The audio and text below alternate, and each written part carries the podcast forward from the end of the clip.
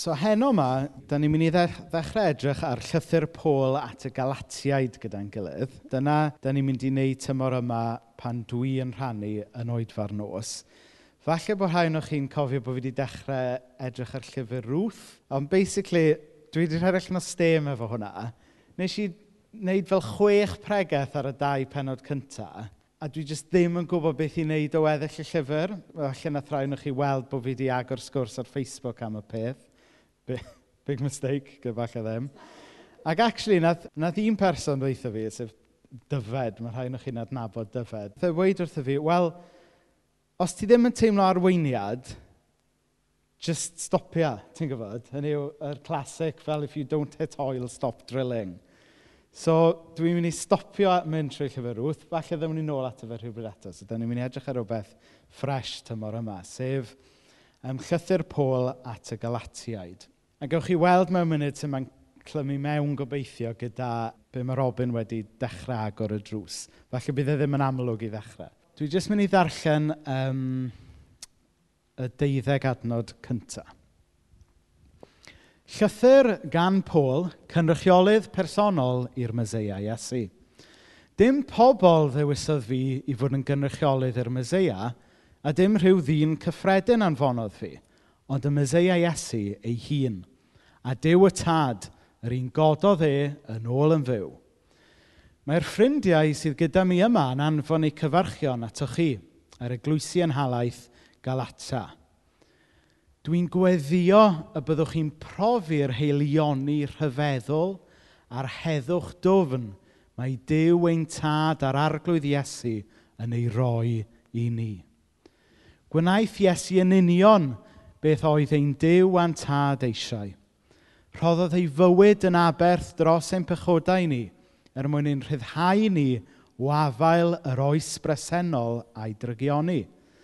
Dyma'r Dyw sy'n heiddi ei foli am byth bythoedd. Amen. Dwi'n eich chael hi'n anodd credu eich bod chi'n troi cefn ar ddiw mor fian. Troi cefn ar yr un sydd wedi'ch galw chi ato'i hun drwy helionir Meseia – a derbyn rhyw syniadau eraill sy'n honni bod yn newyddion da.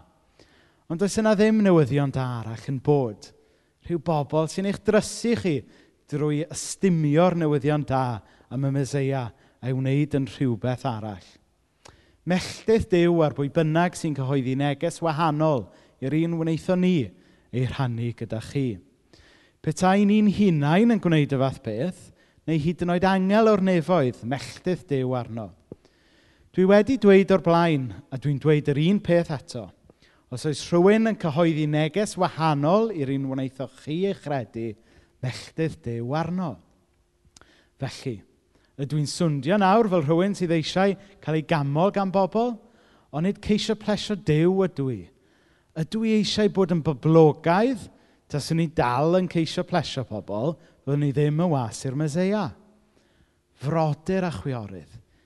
Dwi eisiau i chi ddeall yn iawn. Mae dim rhywbeth wnaeth pobl ei ddychmygu ydy'r newyddion da yma dwi'n ei gyhoeddi. Dim clywed yn egys gan rhywun arall wnes i, a wnaeth neb arall ei dysgu hi mi. Na, y myseia Iesu ei hun ddangosodd i mi beth oedd y gwir rai blynyddoedd yn ôl, ddeis i yma i'r capel dydd iau, dwi'n meddwl, a oedd y cadeiriau heb cael ei gosod allan ar gyfer dydd syl. Um, so o'n i'n meddwl, ah, here's an opportunity. opportunity knocks. A ni'n meddwl, so nes i osod y cadeiriau allan mewn ffordd gwahanol i'r arfer. Controversial. Wedyn, nes i ddim meddwl dim am y peth, Troi lan bore di syl, ac oedd y cadeiriau wedi ffeindio ffeindio'i ffordd yn ôl i'r ffordd daclus maen nhw fod fel arfer. Dwi ddim yn edrych ar neb. a oedd rhywun yn y cyfamser wedi dod yma i dycluso neu rhywbeth, a weddwl, o, does neb wedi gosod y cadeiriau ar gyfer di syl. Felly oedd y cadeiriau wedi gosod nôl i'r right, i'r Arwel Jones right angles. Y rheswm pam dwi'n dechrau efo'r stori yna yw, mae yna, mae yna rhywbeth amdano ni'n does. Ac mae'r dim siarad am arwel ydw i nawr, okay? dwi'n siarad in general. Mae yna rhywbeth amdano ni, mae'n, da ni'n hawdd iawn yn slipio nôl i sut mae popeth wastad wedi bod. Mae e mor hawdd i ni slipio nôl at beth sy'n gyfarwydd i ni. Mae yna rhywbeth lot haws, yn does, am y ffordd da ni wedi cyfarwyddo efo pobl, cyfarwyddo efo syniadau. A beth sydd y cefndir gyda'r llythyr yma gan Paul at y Galatiaid yw fod Paul wedi landio ar un o'i deithiau cenhadol yn yr rhan yma o'r byd oedd yn de Twrci heddiw a wedi cyhoeddi'r newyddion da wrthyn nhw. Mae e wedi dweud nhw bod y Mesoea wedi marw ar y groes, wedi atgyfodi, a mae'r mys- a yma ar un amser ddath i bobl arbennig mewn lle arbennig, nawr yn fyseia i bawb. O bob llwyth, o pob iaith, o pob cefndir. Mae'r newyddion yma oedd ar rywydd arfer bod yn exclusif, nawr yn inclusif. Mae'n e newyddion i bawb a'r ffordd mewn i'r newyddion da yma, ffordd mewn i berthynas gyda'r Meseia yma, ydy drwy ffydd. Nid trwy draddodiadau, nid trwy defodau, ond trwy ffydd. Wedyn, oedd Paul wedi mynd mlaen ar ei daith, a wedyn oedd na bobl bwysig, siwr o fod o Jerusalem, wedi dod i Galatia, dweud, Hold on, guys. Ydy'r boi Paul yna wedi bod yma? Yn dysgu rhyw syniadau gwyllt newydd i chi? O, ie, yeah, dwi, dwi, mae Paul wedi bod yma. Wel, yeah, we need to have a word about that guy. Na, mae'n bwysig bod chi dal yn cadw'r traddodiadau. Specifically, guys, mae'n bwysig bod chi dal yn cael eich enwedu. I fod yn pobl dew go iawn, mae dal rhaid i chi actio a bihafio mewn rhyw ffordd grefyddol arbennig. Ac oedd rhai o'r galatiaid yma, fel mae'r llythyr yma'n awgrymu, yn amlwg wedi slipio nôl mewn i'r mowd crefyddol yma o feddwl. O'n nhw wedi profi y rhyddid y newyddion da oedd Paul wedi dysgu iddyn nhw, ond yr un mor hawdd oedden nhw wedi slipio nôl i'w traddodiadau a'i ffordd crefyddol o feddwl am bethau. A mae'n hawdd i ni ddeall pam dwi'n meddwl. Achos fel o'n i'n dweud ar y dechrau, mae'n hawdd i ni slipio nôl i beth da ni'n gyfforddus ac yn gyfarwydd gyda, hyd yn oed os yw e ddim yn dda i ni. Chi'n deall beth sydd gyda fi? Hefyd, byddai'r bobl yma wedi dod o Jerusalem a falle'n swndio fwy impresif na Paul. Oedd, oedd rhywbeth eitha fel mafericaidd am Paul, oedd rhywbeth, oedd yn bach o, sef se lle ddeud hyn? Dyma pam dylech chi gael fwy o nodiadau na sgynna i. Oedd, oedd e falle fel bach o fel travelling hippie math o beth, ti'n bod? Lle oedd y bobl yma o Jerusalem wedi dod mewn siwts. Chi'n ei beth fi'n meddwl? So, oedd y pobl yma, ww, felly ni wrando ar y bobl yma, mae'r rhain yn swnio'n fwy official na Paul. Lle oedd pobl wedi slipio nôl i feddwl mae crefydd a defodau oedd y ffordd at ddiw. Oedd yna rai falle, oedd yr hen ffordd yn siwtio nhw'n well, achos o'n nhw'n licio byd le o'n nhw mewn a pobl eraill allan. A, a, a mae rhywun yn gallu deall hwnna. Tybo, mae, mae calon pechadurus ganddo ni gyd. A da ni gyd wedi slipio i le le da ni'n licio meddwl bod ni yn iawn a bod pobl eraill yn wrong ac allan. Ond dydy efengil Iesu Gris ddim ynglyn â creu getos. Mae ynglyn â torri muriau lawr a'r gwirionedd yma fod newyddion da Iesu Gris newyddion da i bawb, nid dim ond pobl fel ni. Ac oedd Paul wedi clywed am hyn, oedd e'n devastated. A mae'n amlwg dydy o'r adnodau nes i glywed, o mae e'n devastated bod nhw wedi slipio nôl i feddwl bod crefydd jyst ynglyn â cadw traddodiadau o gadw y defodau yma. So reit ar ddechrau y llythyr yma, mae Paul yn sefydlu dau beth. Yn gyntaf, beth yn union ydy y newyddion da, ac yn ail, mae fe'n sefydlu um, i apostoliaeth, sef pa hawl sydd gyda fe i ddweud beth ydy'r newyddion da ac i rhannu'r newyddion da.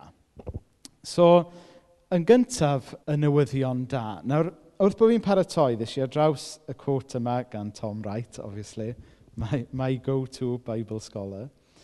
For Paul, the gospel isn't a system of salvation, neu, baswn i'n ychwanegu, isn't only a system of salvation, or a new way of being religious. Mae hwnna'n bwysig, dydy. It isn't a new way of being religious. It's the announcement that Jesus, the crucified Messiah, Messiah, dyna sy'n mae Tom Wright yn ynganu Messiah, dwi'n siŵr. Um, it's the announcement that Jesus, the crucified Messiah, is exalted as Lord of the whole world. Therefore, he is calling into existence a single worldwide family. Hynny yw dydy'r efengyl ddim ynglyn â bod y newyddion da jyst i fi a pobl fel fi. Mae'r newyddion da ynglyn â Iesu gymaint mwy na hynny. Mae ynglyn â cynllun mawr dew i adfer y greadigaeth, i greu dynoliaeth newydd. A mae e'n gwahodd pob un ohono ni yn bersonol i ddod yn rhan o hwnna. Mae hwnna'n hyfryd yn dydy. Mae e'n hyfryd bod na alwad personol, ond mae'n hyfryd hefyd bod, bod yr efengil gymaint mwy na hynny hefyd. Bod Dyw yn neud rhywbeth newydd a bod e'n cyffwrdd pob rhan o'n bywyd ni. Bod teirnas Dyw eisiau cael ei le ym mhopeth i ni'n gwneud. Ond mae pobl grefyddol jyst yn reducio'r efengil lawr ac yn cadw fe mewn bocs. Yn rhywbeth da ni'n tynnu allan ar ddydd syl yn unig. Mae'n rhywbeth da ni jyst yn gallu tiwnio mewn i drwy gadw rhyw draddodiadau arbennig. Nid newyddion da di hynna. Dydy hwnna, dyw crefydd ddim yn newyddion da. Beth ydy'r newyddion da di Iesu Grist i hun.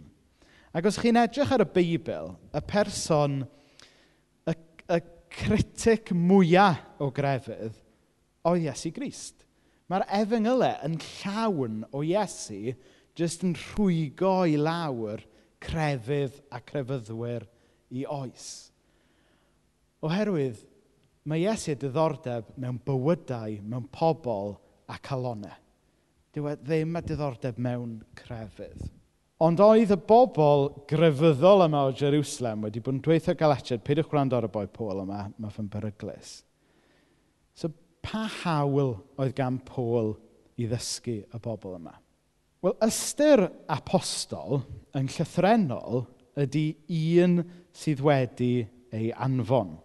A mae Paul yn, yn dweud fel hyn yn adnod 12, dim clywed y neges gan rhywun arall wnes i, a wnaeth neb arall ei ddysgu hi mi, na, y myseia Iesu ei hun ddangosodd i mi beth oedd y gwir. Mi oedd hawl gan Paul fod yn apostol, achos bod e wedi cael encounter gyda Iesu Iesu. Doedd e ddim, sori Debra, doedd e ddim wedi bod i coleg y bydyddwyr yn Cerdydd. doedd e ddim yn fab i weinidog. Doedd e ddim wedi mynd i'r ysgol sil ers bod e yn ddim o beth. Hynny yw, doedd dim dy fe fel worldly credentials oedd yn dweud bod e'n cael bod yn apostol. Oedd e wedi cael encounter gyda Iesu Grist i hun. Dyna ydy person sy'n gallu bod yn apostol. Rhywun sydd wedi cyfarfod Iesu. Un stori doniol, dwi wedi rhannu hwn o blaen. Pan o'n i'n tyfu fyny o ffeiriad yr eglwys Anglicanaidd yn Aberystwyth, oedd gŵr ar enw Stuart Bell. Rhai ohonych chi yn gwybod pwy ydy o, neu wedi clywed amdano fe, yn ddyn arbennig iawn a Dyw wedi defnyddio fe mewn ffordd grymus yn Aberystwyth a tu hwnt. Ac mae'n debyg yn yr eglwys yng Nghymru, oedd yna rhyw yn eu General Synod, oedden nhw'n cael rhyw sgwrs fawr, a oedd angen i'r esgob fod yn bresennol pan o'n nhw yn ordeinio uh, deacons ac offeiriadon newydd. A Stuart Bell yn mynd yn really frustrated a codi ar ei draed a dweud, I was ordained by the Holy Spirit, the bishop just happened to be there. a mae hwnna'n briliant ydy. A mae'n atgoffa ni hefyd. Oedd hawl gan Paul i fod yn apostol achos oedd e wedi cael encounter ac wedi danfon gan ddew. A dyma lle dwi eisiau arwain i nôl mewn i'n amser o weinidogaeth heno. Mae yna rai yn cael ei galw yn benodol i lenwi rôl yr apostol yn yr eglwys heddiw. Ond ar rywydd, mae pob Cristion yn cael ei galw i fod yn apostol. Yn debyg i um, rôl yr efengylydd, chi'n gwybod? Hynny, mae yna rai yn cael dawn arbennig i efengylu, ond ar ryw lefel, mae pob Cristion fod efengylu a rhannu newyddion da hefyd. A mae'r un peth yn wir, dwi'n meddwl, ynglyn apostol. Mae e'n mae rhyw ddawn ar ôl arbennig mae rhai'n cael ei galw i, ond ar rywydd, mae pob Cristion yn un sydd wedi i ddanfon. A dydy apostolion ddim o rheidrwydd yn bobl sydd yn gweithio i'r capel fel fi. Dydyn nhw ddim wastad yn bobl aparchedig cyn i enw. Dydyn nhw ddim yn bobl yn gwisgo ffrogs a coler wen mae pob Cristion ar rywydd yn apostol. Mae angen apostolion ym mhob rhan o gymdeithas. Ch chi'n deall beth sydd gyda fi? Hynny yw, os ydych chi yma, dwi'n gwybod bod yna leia dau doctor yma, er enghraifft. Dwi'n gwybod bod yna cwpl o athrawon yma. Dwi'n gwybod bod yna cwpl o famgys yma. Dych chi'n gallu bod yn apostol yn un sydd wedi eich danfon beth bynnag i chi'n gwneud. Does dim rhaid iddo fe, does dim rhaid i be chi'n neud edrych fel rhywbeth religious iddo fe fod yn rhywbeth le chi'n cario ysbryd Dyw mewn iddo fe. Chi'n deall beth sydd gyda fi? Ar ddechrau'r llythyr yma, ni'n gweld fod Paul wedi cyfarfod a cael ei ddanfon gan Iesu. Ond dwi eisiau bob un ohono ni weld, os ydym ni yn gristion, bod pob un ohono ni wedi cyfarfod yr un Iesu ac yn cael yn danfon yn yr un ffordd. Dwi'n gobeithio bod Dyw ddim yn ei ddanfon pob un ohonoch chi i de Twrci, fel Paul. Ond chi'n deall y pwynt gobeithio, yn dydech? Ond falle, mae'n daunting yn dydy, meddwl, oh, Dyw wedi danfon fi fod yn apostol, sut allai i fod yn apostol? Wel, actually, yn nerth eich hunain, chi methu. Ond dydy Dyw ddim yn disgwyl i chi fynd yn nerth chi eich hunain. Doedd Paul ddim yn mynd yn ei nerth ei hunain. Oedd Dyw wedi i lenwi fe gyda'r ysbryd glân. Ac felly, i ni'n mynd i arwain nôl mewn i amser o weinidogaeth nawr. So dwi am weddio, mae Robin am ddod nôl fyny. Ac un peth newn ni wneud, yn ogystal â falle rhoi cyfle i ymateb i rhai o'r geiriau wnaethon ni glywed, dwi jyst eisiau rhai ohonoch chi, sy'n rhaid i bawb, mae'n rhai ohonoch chi weiddi allan beth yw'r sefyllfa sy'n wynebu chi wythnos yma. Okay? Falle bod e'n sefyllfa um, deuluol, falle bod e'n sefyllfa yn eich gwaith. A wedyn, da ni am sort of, gweddio drosto chi a'ch danfon chi mewn y sefyllfa yna fel apostol Iesu Grist. Ysdi hwnna, hwnna wneud synwyr. Felly, oes yna rhywbeth da chi wedi clywed heno, rhai o'r geiriau, neu rhywbeth yn siarad mewn i chi? Um, os oes rhywun yma yn wynebu rhywbeth wythnos hyn ac eisiau cael eich comisiynu a'ch taflu mewn i hynna fel apostol e fach. um, dewch ymlaen neu codwch law. Ti eisiau do, do ymlaen neu newn ni cael ceinwa na... Na ni, So mae Neres yn cychwyn gwaith newydd wythnos yma. So mae apostol yn golygu un sydd wedi i anfon. Felly, da ni'n credu o ddiwdad, mae ti sydd wedi anfon Eris uh, mewn i'r swydd yma. Um, I ni'n gofyn i ti ddefnyddio hi, bendithio hi, um, defnyddio hi mewn ffordd um, ymarferol i ni weld fwy o dy deyrnas di yn y dref yma. Da ni'n gwybod, wel, dwi'n digwydd gwybod bod hi'n dechrau gweithio i um, i social enterprise mae Mena hefyd yn rhan ohono fe, felly mae e'n ymdrech o ddiw dad i, i weld rhywfaint o newyddion da yn hanes y dre yma ar yr ochr swyddi ac yn y blaen. Um, ni'n gofyn ti fendithio y busnes mae Nerys yn mynd i weithio i. Gad i Nerys bod mae ddim just day job yw e. Does na ddim fath beth a just day job i Gristion. Ond da ni yn mynd at y bresenoldeb di efo ni bob man da ni'n mynd. Felly llenwa'n eres efo'r ysbryd glân yn y, yn y benod newydd yma sy'n agor o'i blaen hi. Amen. Unrhyw beth um, arall. So, os rhywun ddim eisiau um, siarad allan, mae croeso chi ddod ymlaen ar y, ar y diwedd i gael gweddi hefyd. Ie, yeah, felly fel o'n i'n dweud, fydd um, cyfle i chi ddod ymlaen i gael gweddi ar y diwedd os da chi isio, ond na i jyst yn um, danfon i gyd allan nawr. O ddiw dad, da ni yn gofyn i ti fod efo ni, uh, lle bynnag i ni, beth bynnag i ni wneud dros yr wythnos sydd o'n blaen ni. Gadyn ni wybod fod ni yn rhai sydd wedi yn hanfon o ddiw dad. Um, ble bynnag i ni mynd, i ni'n cario dy bresenoldeb ti. Ac o ddiw dad, i ni eisiau profi mwy o dy deyrnas di yn yn tref, yn yn gwlad, yn yn bywydau ni yn hunain. Felly, i ni gofyn ti lenwi ni nawr gyda dysbryd di. I ni fod yn bobl Iesu, i ni fod yn apostolion ym mhopeth i ni'n gwneud wythnos yma. Amen.